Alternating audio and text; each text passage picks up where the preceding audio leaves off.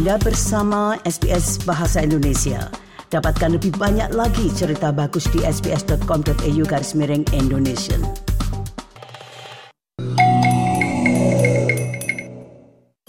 SBS SBS SBS SBS SBS Radio Nah sekali lagi anda masih bersama Radio SBS, saya Sridin, pemandu acara untuk siang hari ini.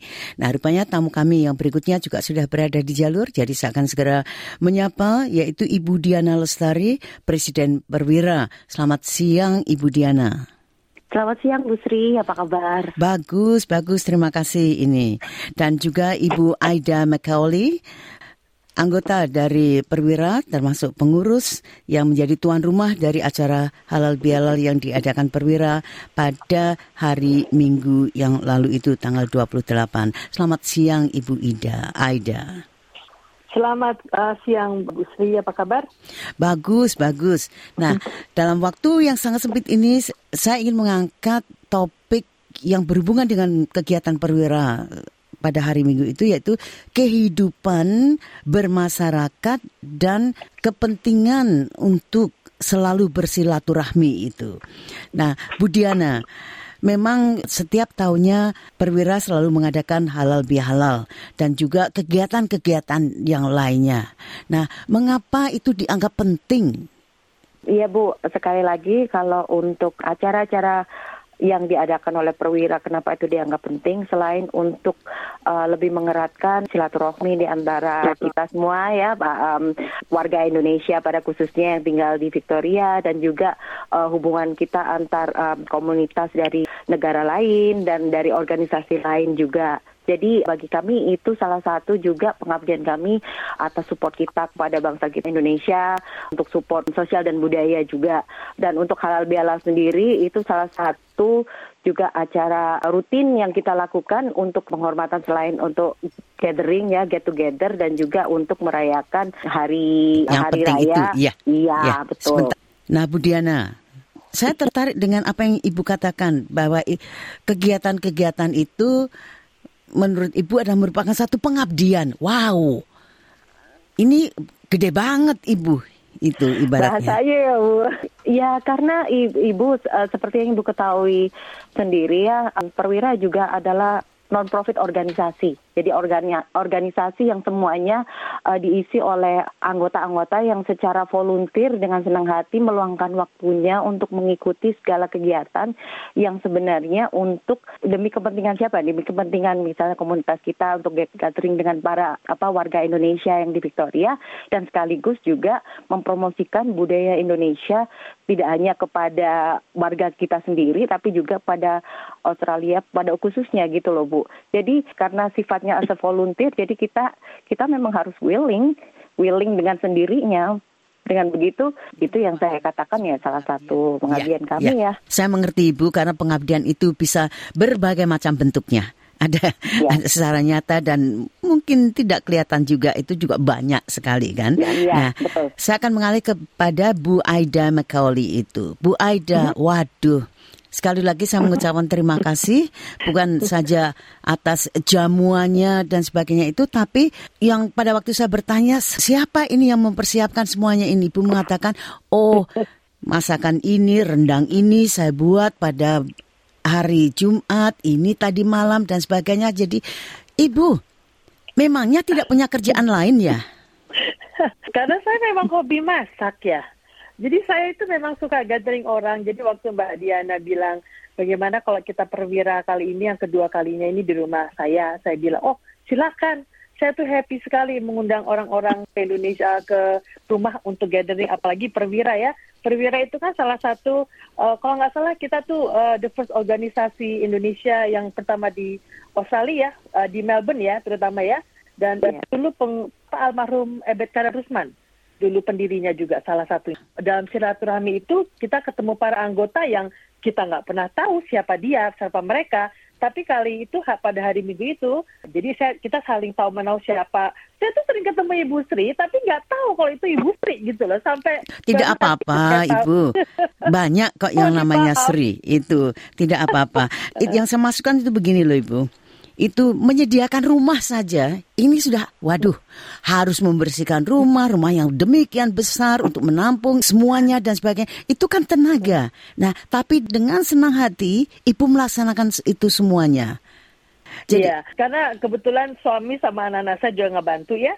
Dan uh, selain itu juga uh, panitia inti perwira juga ikut mensupport saya. Jadi sebelum hari itu hari H itu kita tuh selalu komunikasi dalam WA grup ya apa yang perlu kita kerjakan untuk hari hanya itu sukses gitu loh Bu.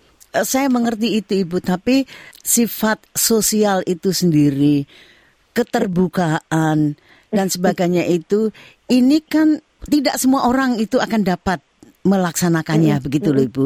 Walaupun mungkin oh ya saya mau silahkan, tapi bagaimana saya harus membersihkan rumah saya nanti ya walaupun dibantu tapi masih banyak ini lah. Kan tidak semua orang kan dapat melaksanakan.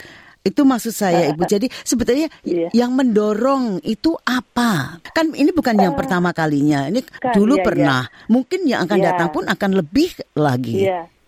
Alhamdulillah Bu ya. Ini sementara sementara saya tinggal di Melbourne selalu setiap setiap open house untuk lebaran itu selain selalu open house itu biasanya teman itu datang, mungkin ada 80 orang lebih, jadi datang dan pergi, datang dan pergi. Itu saya nggak tahu, saya suka aja mengundang orang ke rumah untuk silaturahmi. Karena saya juga sibuk ya, saya kan kerja juga ya. Jadi kalau ada mengumpulkan orang itu, itu ada rasa puas sendiri gitu loh Bu. Saya akan lemparkan juga kepada Bu Diana itu. Jadi Ibu, jadi kehidupan bermasyarakat itu ini apalagi kalau kita di rantau orang ya Ibu ya ibaratnya itu. Ini menjadi menjadi sangat penting sekali ya. Iya betul sekali Bu Bu Bu Sri. Apalagi kan um, di Australia semua mempunyai kesibukan sendiri-sendiri ya Bu. Rutinitas sendiri-sendiri selain bekerja atau mungkin ada kegiatan-kegiatan lain. Jadi salah satu untuk melepas kangen dan ketemu dengan teman-teman kerabat atau atau yang biasa cuman berdiskusi lewat lewat udara ya WhatsApp atau apa gitu. Dengan ada acara-acara seperti ini itu sangat ditunggu-tunggu gitu loh Bu. Selain melepas kangen juga kan jadi kita jadi lebih guyup karena sudah ketemu face to face gitu. Seperti itu. Apalagi sejak saya mengira sejak kejadian you know pandemi COVID-19 itu kan orang semakin lebih appreciate kita untuk bisa bertemu untuk bisa dalam kegiatan acara. Karena sejak hampir tiga tahun ya dulu kita benar-benar yang sangat dibatasin untuk bertemu untuk bisa untuk bersilaturahmi. Jadi setelah diperbolehkan mungkin mereka akan lebih mengapresiasi waktu untuk bisa bertemu gitu loh. Itu menurut saya sih Bu. Dan dan sekali lagi ya kita juga perwira beruntung banget nih dapat Mbak Aida sebagai salah satu pengurus juga yang dengan sangat welcome selalu memberikan um, apa hospitality dan juga makanan-makanan enaknya itu dengan senang hati. Jadi ya memang yeah. itu keberuntungan perwira juga sih. Untungnya double-double ya Ibu ya. Jadi ibu-ibu, jadi intinya seperti kumpul-kumpul dan sebagainya hanya sekedar berbincang-bincang itu merupakan suatu kebutuhan alami dari manusia. Itu begitu Bu Aida? Ya, ya. ya itu itu udah natural kita sebagai manusia ya. Kalau untuk bertemu dengan yang lainnya itu ada rasa puas tersendiri ya. Ah, sekarang bagaimana untuk membangkitkan atau membangun keguyuban itu Bu Aida Alhamdulillah sih ya. Kita kalau setiap ngebuat untuk acara perwira khususnya ya, kalau kita mengumpulkan orang itu pasti rame. Pasti semuanya, pasti alhamdulillah sukses gitu loh. Walaupun kemarin hari Minggu udaranya kurang bersahabat ya, tapi kita alhamdulillah bisa ngumpul bareng semuanya. Nah, Bu Diana, Iya, Bu. Walaupun memang semua orang itu suka ya, saya juga suka. Tapi nyatanya, wuh, kalau misalkan saya ditanya, Sri, coba dong jadi pengurus ya. Ini mungkin saya akan mengatakan wah nanti dulu. Karena saya suka setiap ini ada ini ini. Nah itu kan begitu toh jadi ini bagaimana Bu Diana? Karena kelangsungan suatu organisasi atau perkumpulan atau apa pun saja itu pasti harus ada kan orang yang iya. mengemudikan. Nah, bukan hanya orang yang mengemudikan saja. Kalau hanya sebagai pengemudi saja ya mungkin tidak jalan karena mungkin kadang-kadang jalannya nanjak kalau gitu ibarat orang mengemudi mobil atau jalannya sulit, lampu mati dan sebagainya. Jadi untuk mengajak orang lain pula mau memikul beban itu bagaimana Bu Diana? Ya, pertama-tama kalau bagi saya sendiri ya Bu, bagi saya pribadi, dari awal saya harus menyadari kalau organisasi ini adalah organisasi non-profit ya, organisasi yang di, didasari oleh orang-orang yang dengan sukarela meluangkan waktunya. Jadi ekspektasi kita itu jangan disamaratakan dengan ekspektasi yang lain untuk membantu. Itu pertama. Dan yang kedua, bagi saya biasanya kita sebaiknya mensinergikan dulu nih rencana kita seperti ini terus bagaimana. Jadi sesuatu itu bagi saya komunikasi itu penting sekali Bu. Jadi didiskusikan dari awal kita dibicarakan bagaimana enaknya dan komit ya dengan apa yang sudah kita setujui ah, dan kita sepakati dari awal seperti itu. Dan untuk untuk gimana caranya biar kita me, istilahnya merekrut pengurus atau sebaiknya biar ada yang tertarik untuk menjadi pengurus dan dan lain-lain. Saat ini perwira itu berusaha untuk mengattract generasi yeah. baru maksudnya generasi muda ya karena kita lambat laun kan lama-lama jangan jangan kita kita terus kan kita ingin anak-anak muda juga akan bisa regenerasi menggantikan kita tapi juga dengan komit dan dan juga willing untuk membesarkan perwira itu sendiri gitu. Jadi makanya untuk ke depannya ini kami juga berusaha mempunyai suatu kegiatan-kegiatan yang juga melibatkan banyak anak-anak muda. Jadi salah satunya nanti tanggal 29 Juli kami ada ada kegiatan yang berbeda kan dari dari kegiatan-kegiatan perwira sebelumnya juga dengan purpose untuk attract uh, second Ma generation. Ya. Nah, karena Bu Diana sudah mengatakan, jadi saya pengen tahu ini. Jadi ngintip yeah dong, ngintip dong Bu. Eh, tanggal 29 Juli itu apa nantinya yang dapat menarik perhatian dan minat anak-anak muda itu apa maksudnya? Atau banyak ya. uang begitu Ibu? Jadi tanggal 29 Juli nanti kami akan mengadakan drama teater yang akan diselenggarakan di RMIT The Capital di City.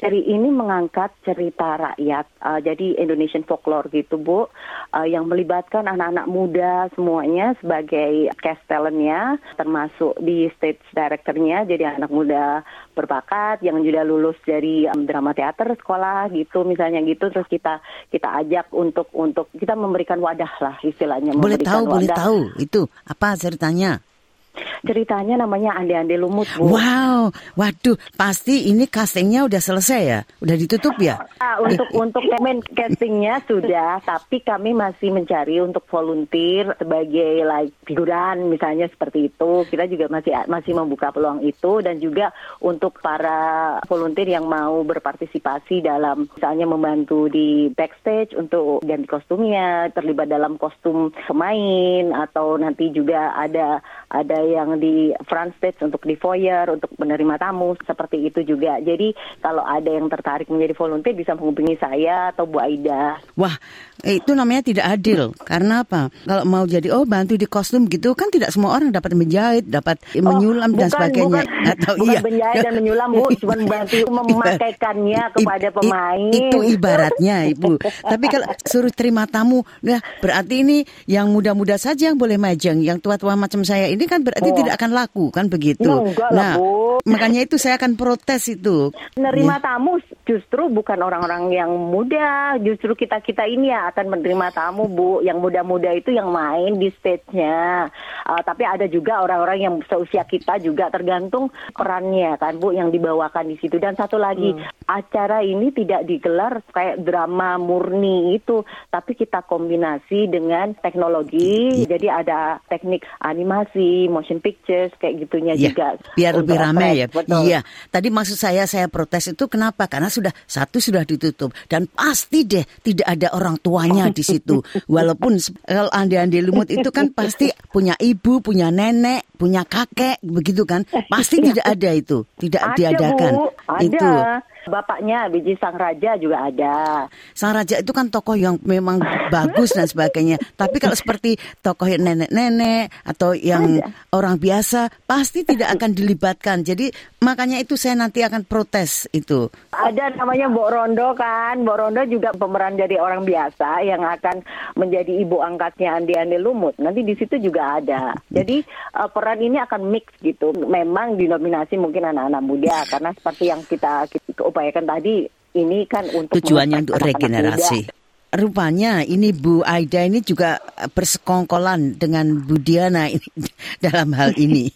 ya karena waktu saya mengatakan saya mau protes, Bu Aida sudah tertawa. Pasti sekongkolan itu. Jadi Bu Aida, ini peran Bu Aida di mana itu? Apakah nanti yang akan menjadi ibunya atau ibu angkatnya Andi Andi Lumut itu Bu Aida? Oh, tidak Bu. Saya ini sebagai pengurus, saya kan sekretaris perwira ya saya itu di bagian support untuk semua peserta yang pemainnya. Dan kebetulan kayak seperti drama kolosal ya, bakalan bagus sekali Bu.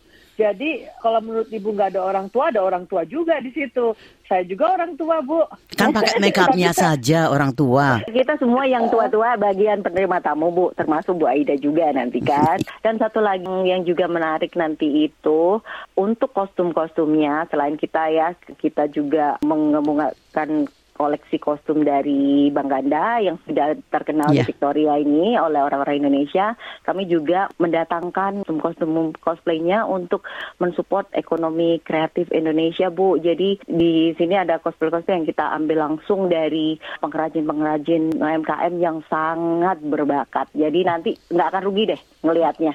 Karena itu benar-benar um, as wow faktornya. Terima kasih sekali ini untuk Bu Diana Lestari dan Bu Aida McCauley yang sudah menjelaskan menjelaskan hmm. bukan saja kegiatan perwira tapi juga mengingatkan kembali saya mengapa berkumpul walaupun hanya sekedar minum teh bersama dan sebagainya hmm. itu dan sharing pendapat mungkin itu sangat penting dalam kehidupan kita dan terutamanya juga masalah regenerasi itu yang memang sangat-sangat diperlukan supaya apa yang telah dirintis di masa hmm. lalu itu oleh ibu-ibu dan juga para pengurus itu akan dapat diteruskan dan ditingkatkan.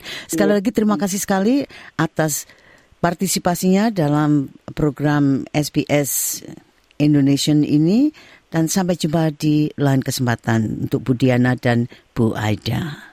Terima kasih, Terima kasih Bu Sri. Selamat sore.